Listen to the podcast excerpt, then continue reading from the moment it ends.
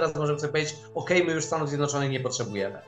Ale musimy być przygotowani na to, że także zainteresowanie Stanów Zjednoczonych naszym regionem może się zmienić. Chociażby nie tylko wybory polityczne, ale także sytuacja geopolityczna, kwestia e, tego, że głównym w tym momencie konkurentem Stanów Zjednoczonych są Chiny.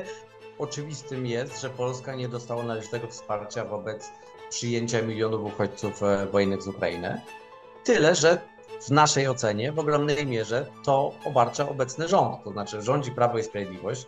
Jesteśmy w sytuacji, w której w przypadku ogromnego wysiłku, jakie ponosimy jako, jakie ponosimy jako państwo i społeczeństwo, nie jest, nasz rząd nie jest w stanie zadba, zadbać o adekwatne wsparcie z Unii Europejskiej. Paradoksem polityki tego spojrzenia lewicy na Europę jest takie, że my dokonujemy bardzo ostrej krytyki Europy, chociażby e, w kwestii perspektywy e, postkolonialnej, ale już ten sam fakt, że, że tej krytyki dokonujemy, jest jakąś siłą Europy.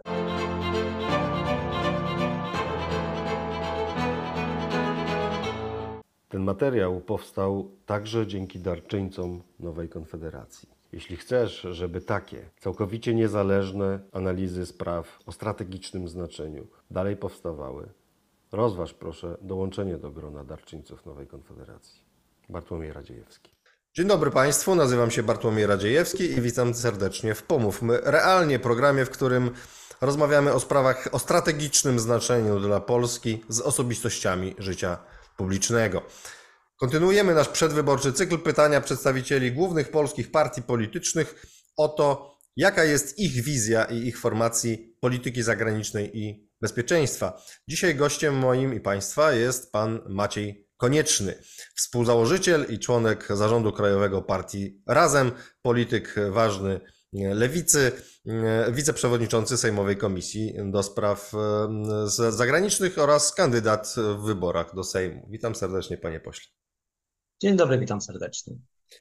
No i właśnie pytanie o to, co by pan powiedział niezdecydowanemu wyborcy, gdyby miał pan okazję jechać dłuższą przejażdżką windą, powiedzmy, nie taką dziesięciopiętrową, ale pięćdziesięcio powiedzmy piętrową, na temat wizji polityki zagranicznej i bezpieczeństwa pana formacji politycznej. Jakby pan przekonał człowieka, dla którego to jest właśnie szczególnie ważne? Że polityka zagraniczna i polityka bezpieczeństwa lewicy będzie się opierała na tych sojuszach naszych, które są najbliższe, najtrwalsze i najbardziej osadzone we wspólnocie gospodarczej, kulturowej i politycznej, czyli na Europie, na Unii Europejskiej. Wychodzi to z założenia, że trwałe myślenie, perspektywiczne myślenie o bezpieczeństwie szeroko rozumianym i relacjach międzynarodowych e, musi być maksymalnie niezależne od przygodnych e, wyborów politycznych, musi być osadzone na czymś trwalszym niż wynik konkretnych wyborów w danym państwie i że te najtrwalsze więzy dwustronne e, wiążą nas w tym momencie z państwami zachodniej Europy, ze szczególnym uwzględnieniem z naszej perspektywy niedocenianego regionu, czyli, e, czyli północy Europy. I, i to bym powiedział, tak, że, że, że z perspektywy polskiej to jest nasza racja stanu. Od tego w największym stopniu należy, zależy nasze bezpieczeństwo. Oczywiście nie zaniechując innych istotnych dla nas sojuszy, chociażby sojusz ze Stanami Zjednoczonymi, ale to, co wyróżnia nas jako lewicę, to takie bardzo silne i konsekwentne postawienie na Europę.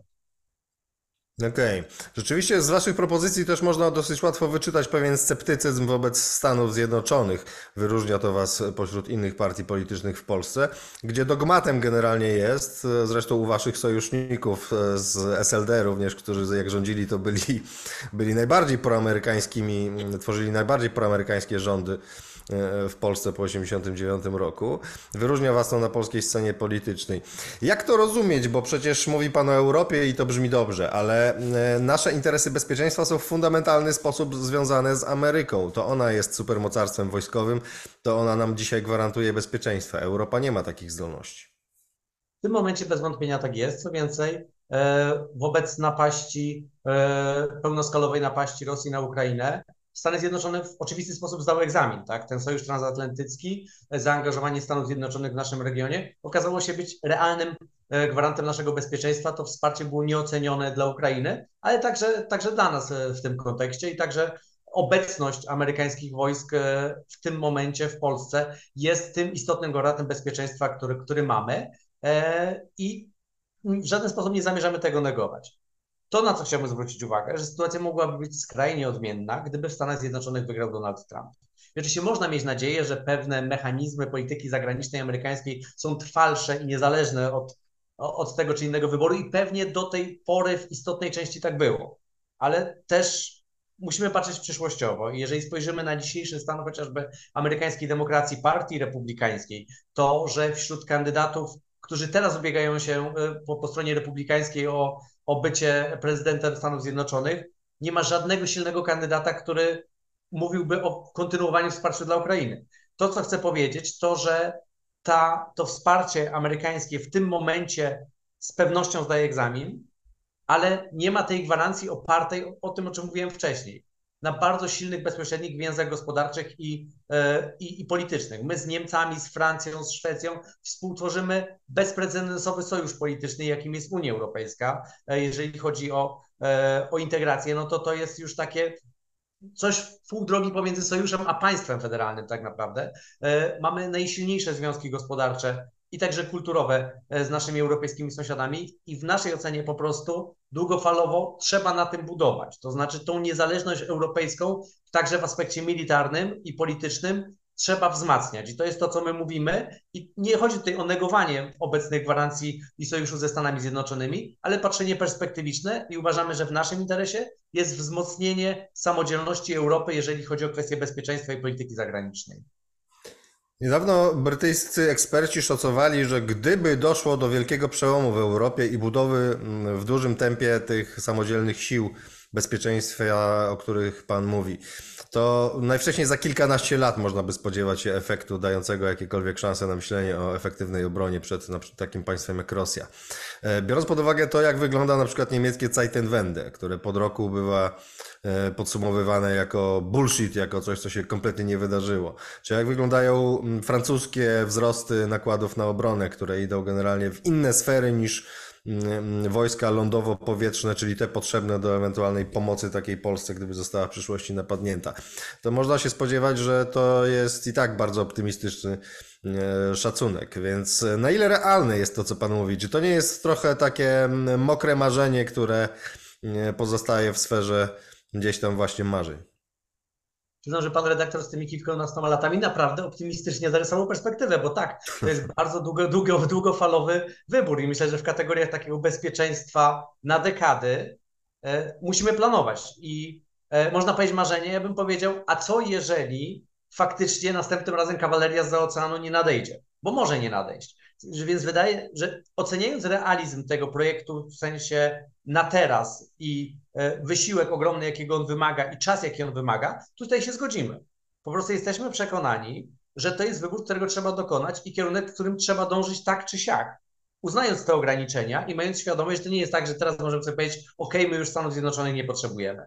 Ale musimy być przygotowani na to, że także zainteresowanie Stanów Zjednoczonych naszym regionem może się zmienić. Chociażby nie tylko wybory polityczne, ale także sytuacja geopolityczna, kwestia e, tego, że głównym w tym momencie konkurentem Stanów Zjednoczonych są Chiny, ich, ich, ich zainteresowanie geopolityczne także przesuwa się w innym kierunku. Na to, na to wszystko musimy spoglądać i musimy zakładać, że świat może wyglądać inaczej. To znaczy nie możemy być tymi generałami, którzy toczą zawsze minione wojny. Tak? My musimy być przygotowani na to, że to, co dzisiaj mamy, jutro możemy tego nie mieć. I ja się zgadzam, że to jest piekielnie trudne, że to wymaga dużo ambitniejszego myślenia o Europie e, w kategoriach integracji i, i, i wspólnoty. I my to, to, takim, takie myślenie nam, e, nam, nam przyświeca jako lewicy, ale wciąż uważam, że to jest kierunek, w którym powinniśmy iść. Z polskiej perspektywy chociażby bardzo zaniedbany sojusz jest z tymi państwami europejskimi, z którymi podzielamy geopolityczne zagrożenia e, i które wobec chociażby napaści na Ukrainę rozumiały nas najlepiej. I mówię tutaj o Nordykach, tak, że ten sojusz w środkowo-wschodniej Europie, on jest zadzierzgany i on, o nim się dużo mówi, ale jeżeli chodzi o ten sojusz, powiedzmy, środkowoeuropejskich państw z państwami nordyckimi, to mam wrażenie, że to jest kompletnie nieobecny temat w naszej, w naszej debacie o sprawach międzynarodowych, a chociażby ta reakcja i zrozumienie zagrożenia ze strony Rosji pokazuje, że to jest kierunek, w którym powinniśmy iść. No my akurat z Nowej Konfederacji od dłuższego czasu postulujemy to i zwracamy uwagę, że jest unikatowa historyczna szansa teraz na to, prawda? No bo e, doszło do wielkiego zbliżenia perspektyw, doszło do tego, że Finlandia jest już w NATO, Szwecja za chwilę zapewne będzie. E, no i jeżeli się nie skoordynujemy, to też nastąpią niekorzystne e, procesy, takie jak segmentacja bezpieczeństwa, to znaczy będzie grupa północna versus grupa środkowoeuropejska, które będą konkurować na przykład o inwestycje natowskie, o lokacje ważnych baz i tak dalej, zamiast współpracować i tworzyć taki system twierdz północno-wschodnich, bo Nordycy mówią o e, twierdzy północ, prawda, czy twierdzach północ. Także zwracamy na to uwagę, tylko to rzeczywiście nie jest, nie jest popularne dzisiaj E, e, w Polsce. Natomiast e, to, co Pan mówi o bliskości kulturowej i geograficznej jest interesujące, bo północ jest jednym kierunkiem, ale region środkowej Europy wydaje się też być podstawowym kierunkiem, prawda? Czyli ścisła współpraca z Bałtami, z Rumunią, z państwami wyszehradzkimi, które o wiele bardziej podzielają dzisiaj percepcję bezpieczeństwa polską niż kraje zachodniej Europy, na które zdaje się przede wszystkim patrzeć lewica. I my tutaj, jako Partia Razem, może jesteśmy dość specyficznym e, wyjątkiem, ale my doceniamy i zauważamy wysiłek prawicy, jeżeli chodzi o budowanie tego sojuszu. I my, co więcej, teraz jako Partia Razem mhm. pracujemy nad projektem koalicji lewicowych partii demokratycznych, e, takich w stylu Razem, e, które z jednej strony są jakoś tam antyneoliberalne w sposób wyrazisty, a z drugiej strony zupełnie inaczej się zachowały w kontekście napaści e, Rosji na Ukrainę niż wiele zachodnie przedstawicieli i przedstawicieli zachodniej lewicy.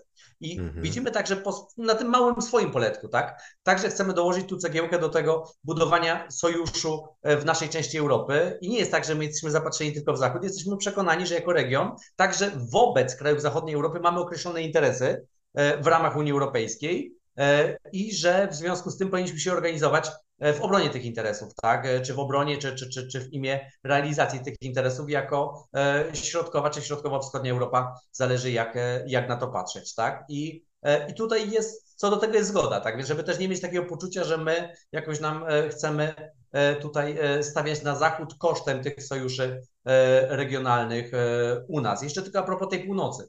Tam jest jeden kłopot, bo jeżeli mówimy o krajach nordyckich, to jednak tutaj pewne napięcie pomiędzy krajami nordyckimi, a chociażby obecnym rządem, czy istotną częścią polskiej prawicy, będzie występowała na poziomie takim ideologicznym, tak? To znaczy dla krajów nordyckich z jednej strony ta polityka zagraniczna musi być oparta, także ja wiem, że to nie zawsze jest e, teoria idzie z praktyką, tak? Ale jakoś ten element prawno-człowieczy czy sprawiedliwości globalnej jest jednak bardziej wyraziście obecny w myśleniu o polityce zagranicznej Szwecji czy, czy Norwegii niż wielu innych krajów. E, I to jest jeden element. E, i, i też kwestie pewnych standardów demokratycznych i te, także traktowanie jako bardzo istotnego elementu, i to jest kluczowe dla nas jako razem, polityki bezpieczeństwa, myślenie o spójności społecznej. To widzimy, że wobec zewnętrznych zagrożeń, także prób destabilizacji, e, e, czy to politycznej, czy społecznej, którym jesteśmy poddani teraz chociażby ze strony czy to Łukaszenki, czy Rosji, to kwestia spójności społecznej jest również kluczowa. Tak? I tutaj pewnie też jako Partia Razem jesteśmy bliżsi temu nordyckiemu myśleniu nie tylko o relacjach międzynarodowych, nie tylko o bezpieczeństwie, ale także o modelu społeczeństwa. Przy czym jak się rozmawia na przykład e, z byłym ministrem z ramienia PiS, Witoldem Waszczykowskim, byłym ministrem spraw zagranicznych, ale też innymi przedstawicielami obecnego obozu rządzącego, to oni czasem mówią, że próbowali z Nordykami coś zbudować, tylko właśnie słyszeli E, że mm, jakieś tam standardy w dziedzinie LGBT, jakieś tam sprawy klimatyczne i tak dalej, e, a nie sprawy bezpieczeństwa i polityki zagranicznej. To jest synchroniczne z tym, co słychać z kręgów eksperckich od dłuższego czasu, że ile nordyccy wojskowi, strategzy mm, są przychylni Polsce, to jest blokada na szczeblu mm, politycznym. Jak przełamalibyście ją gdybyście na przykład mieli swojego ministra spraw zagranicznych w następnej kadencji i powiedzmy, że pan by nim był? Bo było tyle naturalne, że to są różnice kulturowe także, w sensie dla nas te wartości, o których pan powiedział jako barierze, dla nas są czymś, co my, co jest naszym celem, tak? To znaczy, jeżeli chodzi o kwestię e, równości społecznej, czy to ekonomicznej, czy to dotyczącej e, orientacji seksualnej, e, to są rzeczy, które są po prostu nasze, tak? I Gdzieś na tym poziomie byłoby to łatwiejsze, ale e, i też ten model Europy takiej opartej na, e, na tych zasadach równości, takiego egalitaryzmu, jakie przyświeca krajom nordyckim, to jest coś, o co nam chodzi, więc byłoby to łatwiejsze, Także jeżeli chodzi o kwestie chociażby, no powiedzmy, wysokich ambicji, jeżeli chodzi o standardy demokratyczne E, to też to jest coś, co, co, co jest nam bliskie. Ja nie będę, ja, ja, ja po prostu jeżdżąc także z przedstawicielami Prawa i Sprawiedliwości na międzynarodowe spotkanie, to też widzę, jaka tam jest, mówiąc nieco kolokwialnie, obustronna napinka, tak? I to nie jest tak, że Polska traktowana jest w tym momencie przez kraje nordyckie czy kraje Zachodu jakoś ujmijmy to sprawiedliwie, czy że są równe standardy w traktowaniu Polski i innych krajów, bo mam wrażenie, że tam już ten poziom także jakiegoś takiego konfliktu doszedł do poziomu, w którym Polsce obrywa się bardziej, tak? Ale próbą wyjścia z tego jest właśnie usunięcie po polskiej stronie tego elementu e, bardzo skonfliktowanej z, z, z wieloma krajami europejskimi nie tylko prawicą władzy. No tylko to będzie trudne, biorąc pod uwagę nastroje wewnętrzne w Polsce i ogólnie tak nie ma pan trochę wrażenia, że jesteście jakby, pod, macie pod prąd w e, obecnej epoce. Ona wydaje się mocno sprzyjać takim bardziej konserwatywno-narodowym kodom niż lewicowym, progresywnym, socjalnym. Mm, znaczy socjalnym to akurat, socjalne to akurat kradnie wam prawica, ale powiedzmy te progresywne obyczajowo, e, no nie najlepiej synchronizują z czasami, w których mówi się z powrotem o zbrojeniach, o koncertach mocarstw, rywalizacji mocarstw, e, poborze, przywracaniu poboru powszechnego i tego typu mm, rzeczach. Czy nie wydaje wam się, że mm, jesteście pod prąd e, ducha czasu, zwłaszcza, że no nawet w takiej Szwecji, która pewnie jest jednym z Pana ulubionych przykładów, jak chodzi o rozwiązania wewnętrzne, mm, ostatnio mm, triumfy święcił narodowy populizm.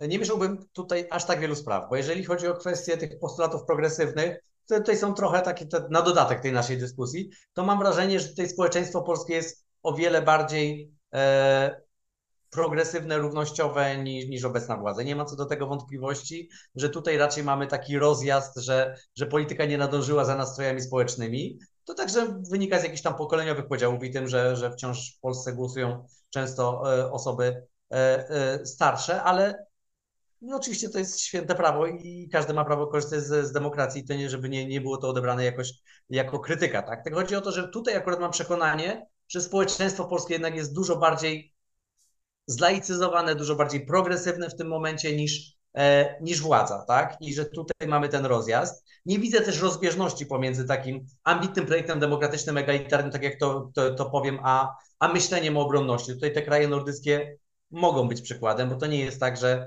że to są akurat kraje, które lekce sobie ważą kwestie obronności czy, e, czy kwestie e, zewnętrznych e, niebezpieczeństw. Więc tutaj nie widziałbym sprzeczności, na pewno e, jest tak, że, że to są czasy, które wymagają chociażby myślenia o dużych wydatkach na zbrojenia, tak? I to jest coś, co jest dla nas jako lewicy też trudne, nie ukrywam, tak? Przyjmujemy do wiadomości, że polska armia wymaga modernizacji na poziomie sprzętu, co, co wymaga wydatków powyżej 2% e, na zbrojenia. I to, jeżeli chodzi o priorytety budżetowe, to jest coś, co co nie jest coś, co ja bym chciał widzieć. Tak? Ja bym chciał, żebyśmy docelowo e, mogli 2% albo mniej wydawać na armię, ale też widzę, co się dzieje, wiem, w jakim jesteśmy miejscu i uznaję tą potrzebę w tym momencie modernizacyjną, e, ale fakt, że pod tym względem, jeżeli chodzi chociażby o priorytety budżetowe, e, to tak, to nie są to koniecznie najłatwiejsze czasy dla lewicy. Okej. Okay. Jednym z e, takich interesujących e, i wzbudzających wielkie emocje zjawisk w ostatnim czasie jest kwestia migracji, która jednocześnie wydaje się strategicznie absolutnie kluczowa. E, Lewica wydaje się bardzo proimigracyjna. Obecnie procedowana jest w Unii kwestia ponownie relokacji. Migranci szturmują na potęgę południowe granice Europy i potem miałoby dochodzić do ewentualnego solidarnego dzielenia się tym problemem, podczas gdy podobnej solidarności nie widać na przykład w sytuacji, gdy mm, miliony Ukraińców przyjechały do Polski w wyniku wojny, rzeczywistych uchodźców. Co lewica na to? Jakie decyzje by podjęła, gdyby odpowiadała za odpowiednie resorty? Zacznijmy od tego, że oczywistym jest, że Polska nie dostała należytego wsparcia wobec przyjęcia milionów uchodźców e, wojennych z Ukrainy.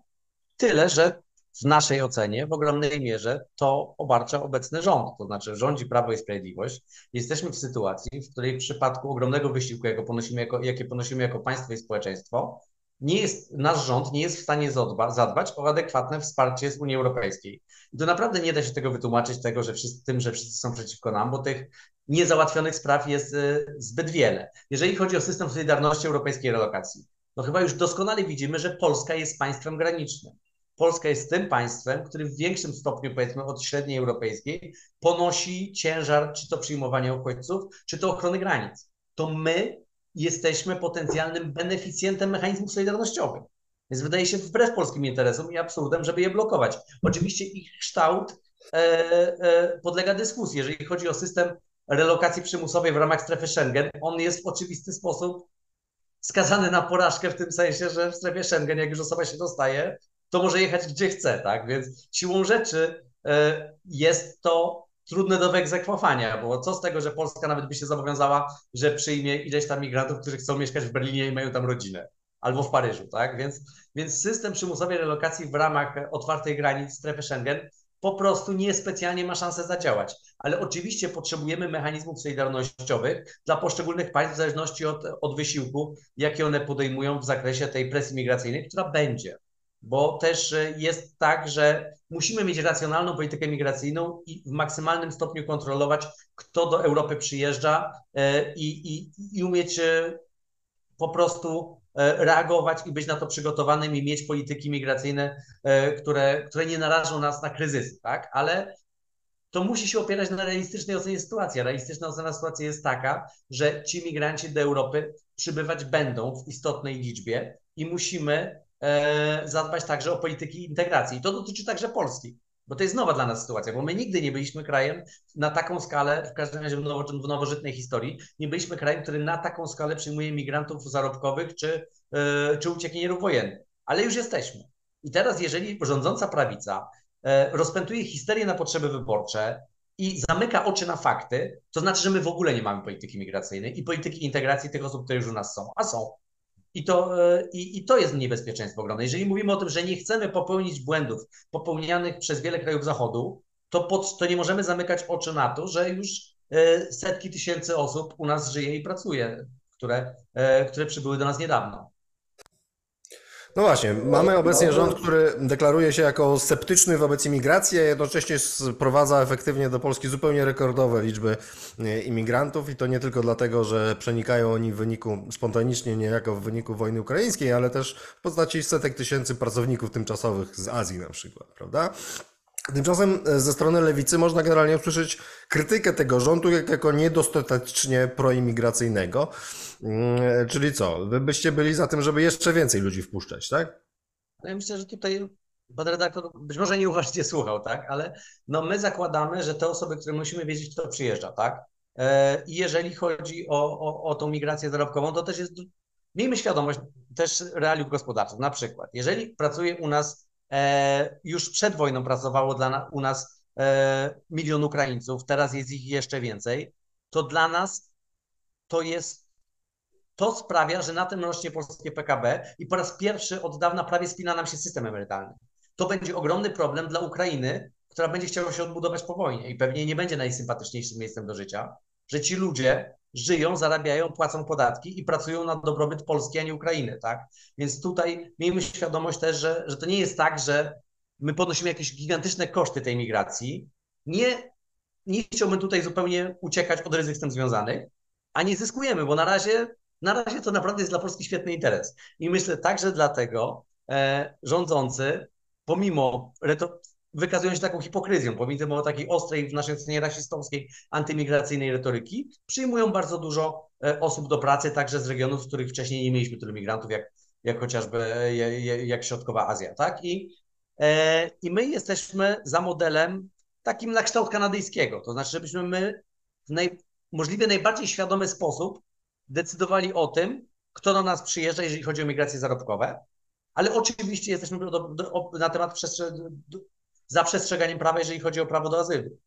I stąd nasza krytyka dotyczy po prostu łamania prawa. I krytykujemy tak samo łamanie prawa w kwestii afery wizowej yy, i po prostu braku weryfikacji osób, które do nas przyjeżdżają, jak i w przypadku pushbacków na granicy polsko-białoruskiej, tak? Więc tutaj potrzebujemy polityki migracyjnej i jej realizacji w ramach prawa. No właśnie, zejdźmy może z tego dosyć ogólnego poziomu na poziom konkretu na przykładzie kryzysu granicznego na granicy polsko-białoruskiej. Tutaj bardzo dużo ostrej krytyki ze strony lewicy można było usłyszeć pod adresem rządu, który niewątpliwie popełnił szereg błędów, poważnych błędów. Natomiast e, czy to nie była sytuacja trochę tragiczna? Bo z jednej strony świadomie przez Białoruś i Rosję skierowany strumień migracyjny na Polskę, który z natury rzeczy uprzedmiotawiał tych ludzi, prawda? Z drugiej, no wyzwanie, czy dać się zestabilizować, czy dać się wpuścić, czy twardo bronić e, granicy. Jakby pan był ministrem odpowiednim, to co by pan zrobił w takiej sytuacji? Przede wszystkim zgadzam się, że sytuacja jest tragiczna i wyjątkowa w kontekście takiego kryzysu granicznego, bo to nie jest tak, że powiedzmy Stany Zjednoczone na południowej granicy muszą się mierzyć z meksykańskim dyktatorem, który celowo chce zdestabilizować Stany Zjednoczone, tak? To nie jest naturalny tylko ruch ludzki, ale także próba wpłynięcia na polską sytuację polityczną i faktycznie cyniczne wykorzystanie e, tych migrantów i uchodźców przez, e, e, przez Łukaszenkę. To, co my mówimy, to jak ponieść najniższe koszty tej próby. I istotnym elementem tej destabilizacji jest także przypięcie Polski łatki państwa łamiącego prawa człowieka i zdjęcie ze siebie trochę takiego ciężaru. To dyktatorzy to najbardziej uwielbiają. Pokazać na drugą stronę i powiedzieć, wy jesteście tacy sami hipokryci. I to była intencja polityczna także Łukaszenki. I stąd nasz rachunek taki już twardo polityczny, zaraz przejdę do kwestii po prostu humanitarnych, jest taki, że jakbyśmy nie stosowali tych pushbacków, E, przeprocesowali e, te osoby, które są na granicy i jeżeli faktycznie nie należy im się status uchodźcy, to wtedy e, deportowali je do, do bezpiecznych krajów. To oczywiście byłoby dużo trudniejsze, ale nie przekraczałoby to zdecydowanie możliwości 30-milionowego europejskiego państwa zamożnego. Wydaje mi się, że Polskę stać na to, żeby w tym aspekcie przestrzegać, przestrzegać prawa i wydaje się, że po prostu koszty byłyby mniejsze niż czasu... to, co teraz mamy na granicy. Wejdę na chwilę w słowo, przepraszam, ale czytałem swojego czasu analizy, że właśnie nie stać nas w tym sensie, że oczywiście teoretycznie jak popatrzeć na papier, to spokojnie do ogarnięcia, ale infrastruktura umożliwiająca obsłużenie tych wszystkich ludzi nie istniała po prostu. Wtedy tak, nie? No, ale to też pokazuje pewien, no tutaj a propos tej Solidarności Europejskiej, tak? Przestrzegamy prawa, e, realnie staramy się kontrolować, kto do nas przechodzi, bo też nie, są wewnętrzne raporty Straży Granicznej, które mówią, że tysiące osób przechodzą przez obecną, e, przez, e, przez mur na granicy, przez płot i że to, co teraz oferuje Prawo i Sprawiedliwość jest nie tylko niehumanitarne, ale nieszczelne. Więc nie mamy takiego wyboru pomiędzy sytuacją, w której co prawda jesteśmy brutalni i nie przestrzegamy do końca prawa, ale za to chronimy polską granicę i wiemy, kto do nas dociera, kontra sytuacja, w której jacyś naiwni e, lewicowcy chcą wpuścić każdego. Nasze założenie podstawowe jest takie. Musimy wiedzieć, kto przebywa na polskim terytorium, na, ile to jest tylko możliwe i żeby to się działo, to musimy uczciwie procesować tych ludzi. Bo czasami jest tak, że Straż Graniczna kogoś przerzuca pięć razy przez płot, łamiąc prawa człowieka, łamiąc prawo międzynarodowe, a za szóstym razem on, on, i tak przechodzi, tak? Więc te próby przekroczenia też trzeba w tej kategorii traktować, ale także no nie można w tak brutalny sposób traktować ludzi. No nie można ludzi skazywać na śmierć w lesie i przerzucać e, przez granicę chorych osób, wiedząc, jak bardzo brutalny jest reżim białoruski jak bardzo po tamtej stronie oni nie mogą liczyć na, e, na jakiekolwiek przestrzeganie praw człowieka. No po prostu pewien standard także humanitarny i praw człowieka nas do tego zobowiązuje.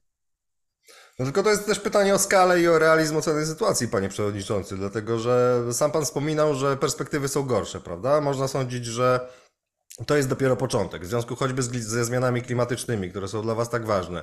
Zapewne miliony, grube miliony dziesiątki milionów ruszą ludzi z Afryki w następnych latach i dekadach pod wpływem wysychania wód, gruntów i tak i będą szturmować dalej Europę. No i w pewnym momencie pojawia się po prostu kwestia, że nie ma wystarczającej liczby straży granicznej, nie ma wystarczającej liczby e, pracowników obozów, zwłaszcza w doświadczającej recesji demograficznej Europie, prawda? My też doświadczamy braku rąk do pracy coraz bardziej, e, żeby to wszystko ogarnąć. Więc albo po prostu niekontrolowany zalew e, ludzi, destabilizacja z tym związana, albo twarde powstrzymywanie, tak jak na przykład Australijczycy.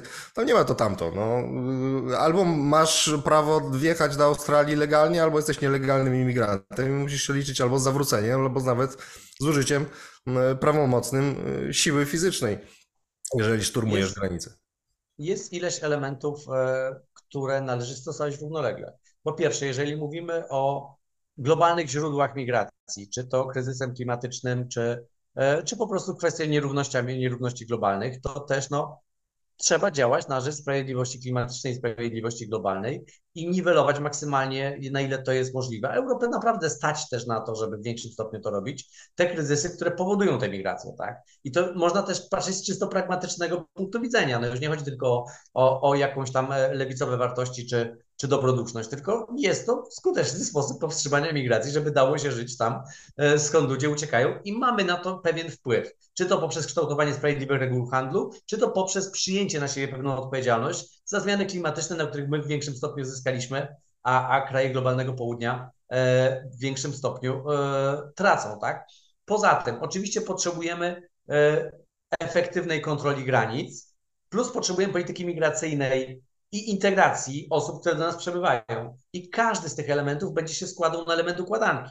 Bo zupełnie szczerze, jeżeli Europa nie przyjmie po prostu taką zasadę, ok, mamy prawo się bronić cokolwiek, to moim zdaniem to już nie jest Europa, tak? Znaczy Europa strzelająca do ludzi, którzy szukają schronienia po prostu, no to jest już, to powiedzmy sięga do najgorszych tradycji europejskich, a nie do tego, co byśmy chcieli widzieć. Więc wydaje mi się, że to musi być nie ma prostej odpowiedzi. To musi być ileś elementów. Od wsparcia dla krajów globalnego południa i, i, i, tych, e, i tych e, krajów, z których i nie generowania także kryzysów, chociażby poprzez e, różne niefortunne interwencje w innych krajach, części świata, po efektywną kontrolę graniczną, po procesy integracyjne tych osób, które do Europy przybędą. Bo raz jeszcze, nie bądźmy jak rząd PiSu, który udaje, że tych ludzi nie ma, tak? Bo to jest najgorsze rozwiązanie i tak na pewno nie unikniemy kryzysów społecznych, których też warto przypomnieć, póki co w Polsce nie ma, co jest nawet imponujące, jak przy tej skali migracji chociażby z Ukrainy. Ja wiem, że są napięcia i że ludzie e, reagują często negatywnie chociażby e, na wsparcie dla Ukraińców, ale nie mamy żadnych konfliktów społecznych, które by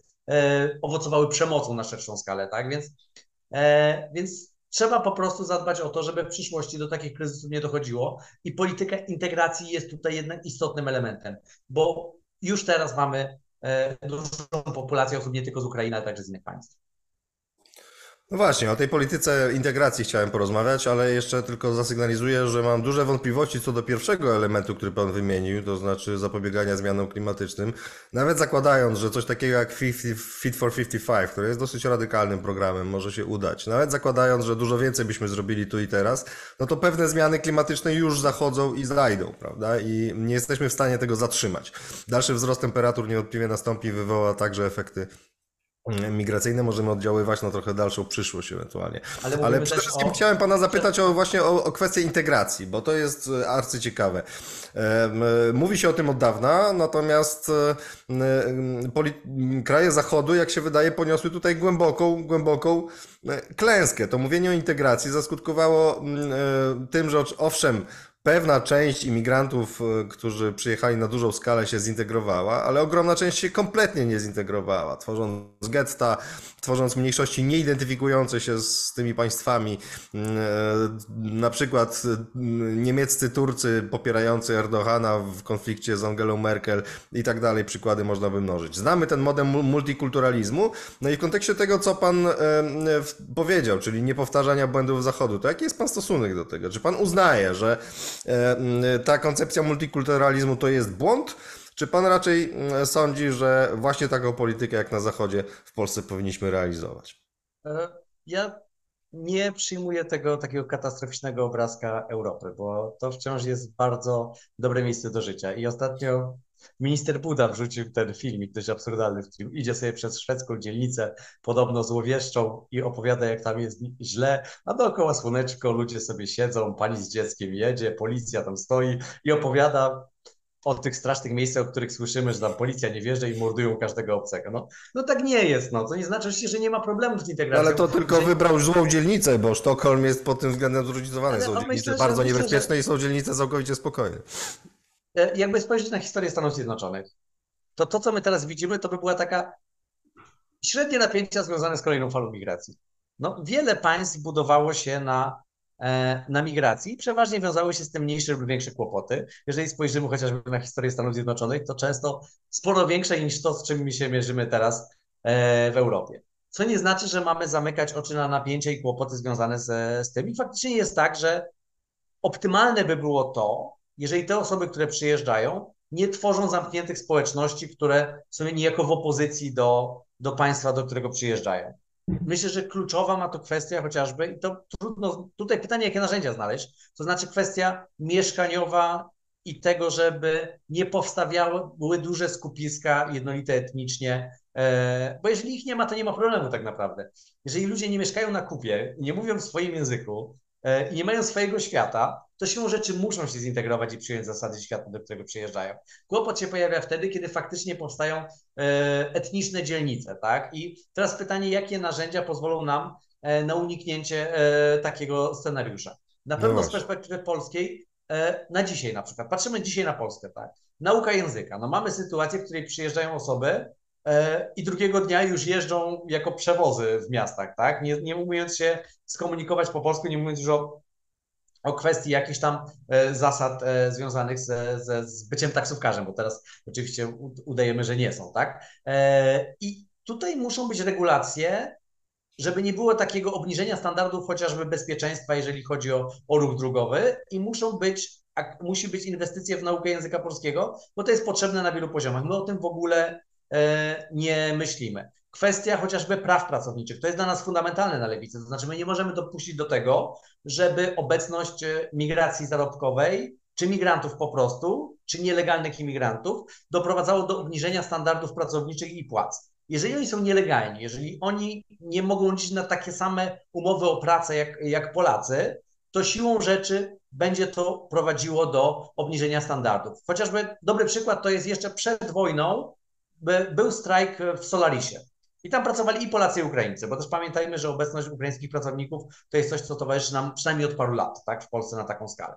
I tam nie było podziału, jak wybuchł strajk, na Polaków i Ukraińców. Był o tyle, że o ile Ukrainiec miał normalną umowę o pracę, to strajkował razem z Polakami. A ci Ukraińcy, którzy w większości mieli umowy cywilnoprawne, śmieciowe, nie mogli przystąpić do strajku, bo by następnego dnia nie mieli roboty, tak? Czyli tutaj... No to w pewnym sensie wymarzona między, międzynarodówka pracownicza. Z waszej w pewnym sensie też z jednej strony tak, z drugiej strony jest to sytuacja, w której obecność migracji zarobkowej, która nie ma takich samych praw, pracuje na umowach tymczasowych, e, pojawia się, znika, obniża w oczywisty sposób standardy. Tak samo jak polska migracja obniżała standardy chociażby e, na Wyspach Brytyjskich czy na Zachodzie. Sam obniżałem standardy swego czasu jako tymczasowy pracownik, tak? Wobec ludzi, którzy są tam na stałe i muszą mieć miejsce, takie warunki pracy, które pozwolą im na stałe utrzymać rodzinę, zapłacić za mieszkanie i, i żyć normalnie, tak? Więc dla nas kluczowe jest to, żeby były jednolite, równe standardy. Ja wiem, że to brzmi czasami kontrowersyjnie, i, ale to jest najlepsza metoda ochrony praw e, pracowniczych i praw obywatelskich wszystkich, którzy tutaj mieszkają. Nie możemy pozwolić na powstanie takiej podklasy migrantów, bo wszyscy na tym stracimy.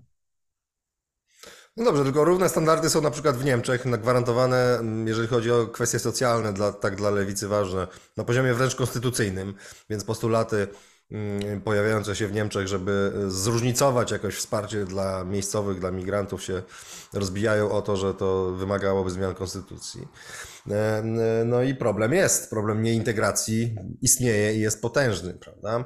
E, czy nie sądzi pan, że dużą mądrość polityczną wykazują tacy na przykład Łotysze, którzy wymagają od mm, e, ludności niełotewskiej deklaracji lojalności wobec państwa łotewskiego, ale też zdania egzaminów z języka, konstytucji i paru jeszcze rzeczy. Czy to nie jest efektywny sposób na integrację? No myślę, że to powinien być warunek też pozostanie i przyjęcie obywatelstwa tak naprawdę, ale ja myślę, że potrzebujemy narzędzi nauki języka, ale co to by miało w praktyce oznaczać, że jeżeli ktoś nie mówi po polsku, to go wyrzucamy, no to też jest, e, raczej potrzebujemy pozytywnych narzędzi, które pozwolą się osobom, które są u nas integrować. I tego na razie nie ma, bo my na razie mówimy abstrakcyjnie, że fajnie by było, ale może zacznijmy po prostu w tym kierunku robić. No, ilość osób na specjalizacji nauki języka polskiego dla obcokrajowców jest kompletnie nieprzystająca do realiów, jakie mamy w Polsce. Więc my jesteśmy po prostu nieprzygotowani do tego, co już mamy.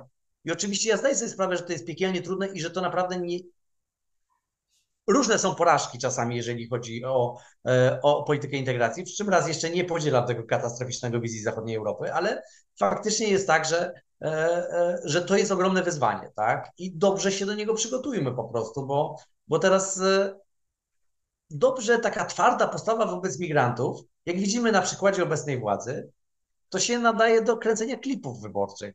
Ale rzeczywistość jest jaka jest. Mamy sytuację, w której są w Polsce osoby, które żyją, pracują i na przykład nie mówią po polsku, a ich dzieci nie chodzą do polskich szkół, co jest przykładem e, wielu ukraińskich dzieci, bo, które nie wiemy właściwie, co robią, bo nie są w polskim systemie szkolnictwa. I teraz no, są tutaj i musimy do nich dotrzeć i zadbać o to, żeby były włączone w system.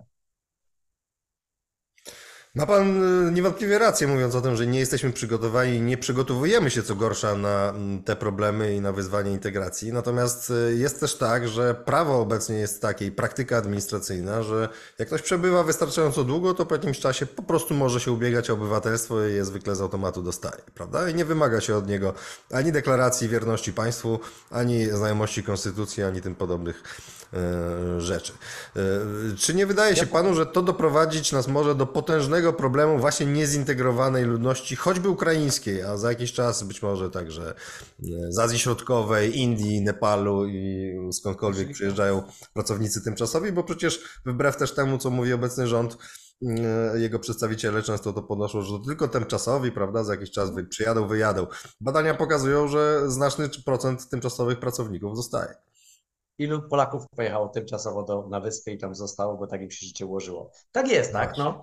E, tylko, że jeżeli chodzi o przyznawanie obywatelstwa, no to nie jest tak, że Polska masowo przyznaje obywatelstwo e, w tym momencie. Jeżeli chodzi o Ukraińców, to myślę, że po tych paru latach mieszkania w Polsce to już jest zupełnie inna sytuacja, tak? I, i o ile faktycznie nie mamy jednolitych skupisk takich, gdzie można faktycznie jak ja przepraszam, że to polski przykład podaję, ale mam wrażenie, że to tak jakoś unacznia i uczyni to bliższym. Jak na Greenpointie żyć parę pokoleń nie ucząc się angielskiego, tak? O ile nie mamy takiej sytuacji, to ci Ukraińcy żyjąc w Polsce, to akurat jest dość łatwa.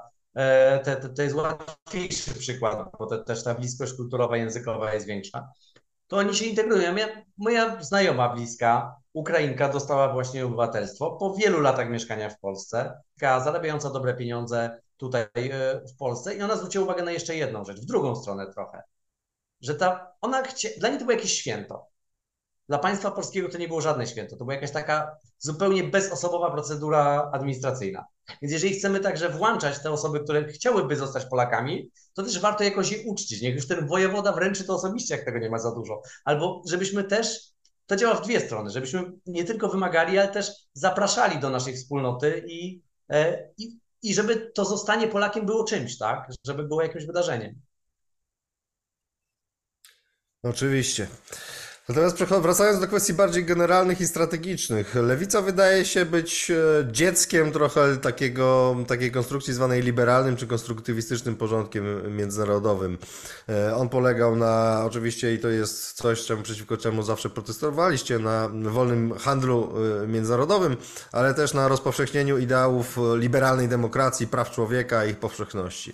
To się wydaje trzeszczeć też bardzo mocno w ostatnich latach i wojna ukraińska jakoś tam jest kolejnym tego e, e, przejawem. Jak się odnajdujecie w tej sytuacji, w której wobec prognoz o rozszerzaniu się tego porządku liberalnej demokracji i praw człowieka znaleźliśmy się w dokładnie odwrotnym mm, wariancie zwijania się tego porządku? Jak, co lewica na to? Słusznie pan redaktor zwrócił uwagę, że ten nasz stosunek e, do zawsze był taki dwojaki, bo z jednej strony e, popieraliśmy ten porządek, znaczy chcieliśmy widzieć to poszerzanie się sfery e, praw człowieka i demokracji, z drugiej strony zwracaliśmy uwagę na, chociażby ruch antyglobalistyczny, na to, że na pewną hipokryzję tej wizji, w której ta polityka handlowa, neoliberalna polityka kapitalistyczna jest łączona z tym, że to jest jakiś pakiet taki, że jak będziemy poszerzać te wolności gospodarcze, to one przełożą się na poszerzenie sfery wolności obywatelskiej czy demokracji. To konsekwentnie mówiliśmy tutaj, że, że tak nie jest i że to także jest e, e, pewna forma dominacji państw bogatych nad biedniejszymi, e, co budzi także pewien oczywisty sprzeciw i i odrzucenie tego porządku, który z perspektywy wielu mieszkańców państwa Unii, ale także po prostu biedniejszych mieszkańców e, państw zamożnych jest niesprawiedliwy, tak? I więc dla nas, jak już mówiłem wcześniej, element spójności społecznej i także takiej sprawiedliwości społecznej, gospodarczej jest kluczowym elementem, tak? I, e, i jeżeli pan pyta o ten kryzys tego takiego nazwijmy, europejskiego marzenia opartego na demokracji i prawach człowieka, to oczywiście to nie jest, to jest coś, co, co nas niepokoi, tak? To znaczy chcielibyśmy, żeby jednak ta, ten prawa człowieka, demokracja czy stosunki międzynarodowe oparte jednak na dyplomacji, a nie przemocy, żeby było tego więcej, a nie mniej. I, że, i dlatego też, jako z tej perspektywy naszej takiej radykalnie proeuropejskiej, my chcielibyśmy widzieć silną Europę, także jako to ten biegun świata, który oddziałuje w kierunku tego modelu europejskiego, przy świadomości wszystkich jego niedoskonałości, tak? I tego chociażby modelu samokrytycznego, tak? Bo jakimś też paradoksem polityki tego spojrzenia lewicy na Europę jest takie, że my dokonujemy bardzo ostrej krytyki Europy, chociażby e, w kwestii perspektywy e, postkolonialnej, ale już ten sam fakt, że, że tej krytyki dokonujemy, jest jakąś siłą Europy, tak? Jest jakimś, jakimś, jakimś nasze, jest czymś, e, co nas wyróżnia i co chcielibyśmy, żeby było podstawą także stosunków międzynarodowych. Więc ja bym chciał, żeby Europa jednak nie, straciły, nie straciła tego takiego soft poweru, takiej, takiej, żeby nie przestała być atrakcyjną opcją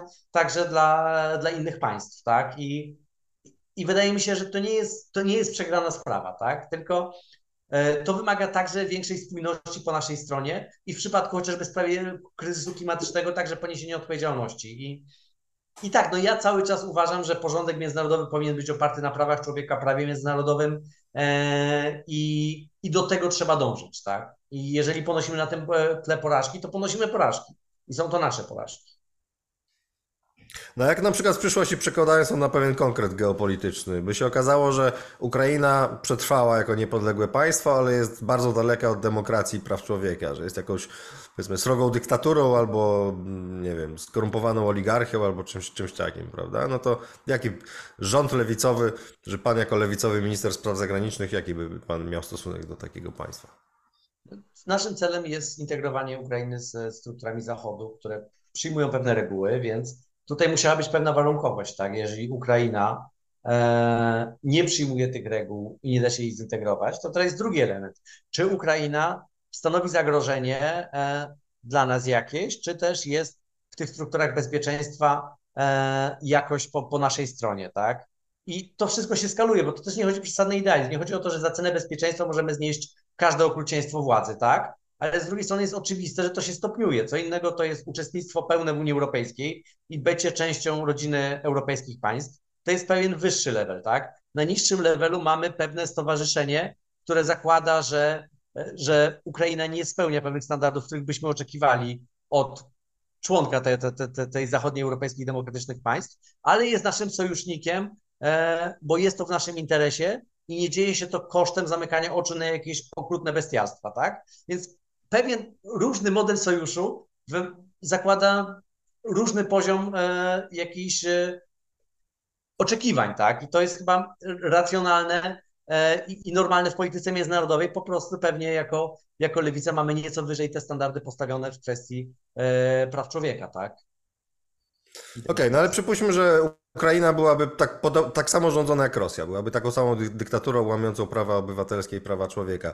Czy wtedy z waszego punktu widzenia to jest jeden obóz i takie same zło jak Rosja, czy jednak różnicujecie to, jaka jest rola geopolityczna jednej dyktatury i drugiej dyktatury? Tu nawiążę do Amerykanów, bez których jesteście krytyczni, którzy tradycyjnie e, oczekują od wszystkich, żeby generalnie byli demokracjami i e, kierowali się prawami człowieka, ale e, uznają też coś takiego jak nasi sukinsyni, prawda? Czyli E, są dyktatorzy dobre i dyktatury złe. Czy to się mieści w, waszym, e, w waszej perspektywie widzenia polityki zagranicznej? Jest to bardzo zły scenariusz i długofalowo e, także bardzo często przeciwskuteczny, czego też Ameryka na własnej skórze wielokrotnie doświadczyła, tak? kiedy nagle ich sukinsyni zostawali sukinsynami, ale przestawali być ich, tak? I, więc, więc tak, maksymalna presja na, na demokrację i prawa człowieka, ale oczywiście no, to jest polityka zagraniczna. Mamy konflikty różnych racji, tak. No, jesteśmy także zobowiązani troszczyć się o bezpieczeństwo, ale no, z pewnością no, mielibyśmy dużo dalej posunięte oczekiwania od naszych sojuszników niż, e, niż większość administracji amerykańskich, tak bym to, to ujął, tak? Ale no, to nie jest zero-jedynkowe oczywiście. Okej. Okay. A wspominając o radykalnej europejskości, to jakby tam pan to przełożył na obecnie procedowane mm, propozycje zmian traktatowych? Tam to idzie dosyć daleko. Oczywiście Parlament Europejski nie jest w pełni reprezentatywny, ale coś jednak nam mówi. E, idzie to w kierunku odwrócenia w ogóle kierunku przyznawania delegacji kompetencji i suwerenności, prawda? Czyli zamiast subsydiarności z dołu w górę, mamy przyznawanie suwerenności e, z centrum decyzyjnego w Brukseli na dół do państw narodowych. Czy wy na ten kurs federalistyczny jako radykalnie europejscy się piszecie, czy, czy macie jakieś zastrzeżenia? No mam zastrzeżenie, że mamy proces takiej jakiejś niekontrolowanej federalizacji, która się dzieje de facto, tak? A ja jestem federalistą i chciałbym Unii Europejskiej, która jest dużo bardziej zintegrowana także politycznie, gospodarczo, społecznie i żeby Polska była elementem tej Unii. Mam, chciałbym, żeby Polska dużo ambitniej podchodziła do polityki europejskiej i chciała ją współtworzyć, nie podchodziła do niej tak defensywnie, ale chciałbym, żeby to się działo na zasadzie jakichś procesów politycznych, a nie, a nie tak, tak jak się dzieje, tak? Ale też nie, jeżeli jesteśmy na przykład jako Polska zwolennikami E, poszerzania Unii Europejskiej, a jesteśmy na, jeżeli chodzi o Bałkany Zachodnie, w perspektywie także e, Ukrainy, mam nadzieję, równolegle, jeżeli, jeżeli, jeżeli sytuacja pozwoli, to też no, są pewne granice funkcjonalności przy obecnym podejmowaniem decyzji. Ja wiem, że teraz jest przedstawione to jakoś linii, Niemcy chcą narzucić i tak dalej i warunkować przyjmowanie członków, ale no nie da się funkcjonować na tym poziomie już integracji europejskiej przy takiej ilości decyzji, które mamy do podjęcia, de facto w warunkach liberum veto przy tylu członkach. Więc ilość decyzji podejmowanych większością kwalifikowaną będzie musiała być zwiększona, jeżeli Europa ma funkcjonować. Chodzi tylko o to, żeby to się działo w jakimś kontrolowanym procesie politycznym, a nie, że poprzez proces takich, e, no, że, że to się dzieje jakoś poza kontrolą, tak, i, i, i, i logiką faktów dokonanych, tak. Ale tak, ja jestem za federalizacją dużo dalej posuniętą. E, nie uważam, żeby to było wbrew polskim interesom, albo żeby nieco bardziej umiejętny od obecnego w polityce europejskiej rząd nie był w stanie realizować e, na arenie europejskiej, arenie politycznej polskich interesów skutecznie. E, no ale też zgadzam się, że, że jest coś nie okay, jeżeli to się dzieje w sposób taki, no, że się po prostu dzieje, tak, a nie wiadomo, kiedy się na to zgodziliśmy. Tak jak w ostatnich latach właśnie. To ciekawe, że pan to również zauważa i krytykuje. Natomiast y, jeżeli chodzi o y, federację, to czy nie uważa pan, że w federacji jest zawsze też pytanie, jak poszczególne składowe zajmują jakie pozycje, tak jak miasta rywalizują ze sobą, tak jak prowincje czy województwa rywalizują ze sobą, e, to na pewno Niemcy w federacji czy Francuzi zadbają o to, żeby nie być tą składową pokrzywdzoną, prawda? Nie sądzi pan, że w razie takiej pełnej federalizacji polskie elity byłyby chłopcami na posyłki, a Polska takim, taką dosyć marginalną prowincją Imperium Europejskiego? To pewnie zależy od elit. Myślę, że Polska się wzmocniła jednak, jeżeli chodzi o te ostatnie dziesięciolecia, także gospodarczo I mam wrażenie, że teraz nie wykorzystujemy momentu pewnej takich przewag politycznych związanych ze, ze sytuacją międzynarodową. E, to już jest e, kwestia obecnego rządu.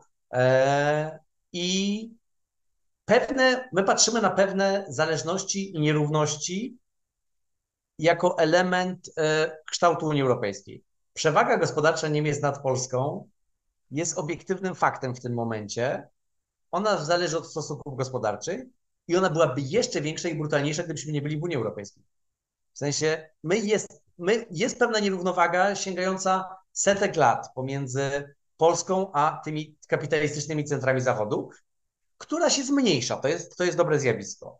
I teraz to jest takie myślenie magiczne, które polega na tym, że jak nie będziemy intensyfikować współpracy politycznej i nie będziemy demokratyzować Europy, to co? To będziemy mieli większy wpływ? Moim zdaniem po prostu będziemy mieli mniejszy. Ta nierównowaga jest faktem, ale będziemy mieli większy wpływ i większą możliwość samostanowienia jako Polska przy właściwych sojuszach, dlatego też mówimy o, o tej organizacji w ramach e, naszego regionu e, na arenie europejskiej, kiedy będziemy, e, kiedy ona będzie bardziej zintegrowana. Po prostu ja mam wrażenie, że to jest takie poczucie, że jak, za, jak, jak nie będziemy się dalej integrować, to ta przewaga Niemiec zniknie. Ona ma charakter obiektywny, wynika z z pewnych przewag gospodarczych e, e, i instytucjonalnych, chociaż to różnie bywa, które wynikają z, z, z jakichś stuletnich procesów, tak? I wydaje mi się, że jak będziemy częścią bardziej sfederalizowanego, bardziej sfederalizowanej struktury, to daje nam większą szansę wyrównania różnic, a nie mniejszą.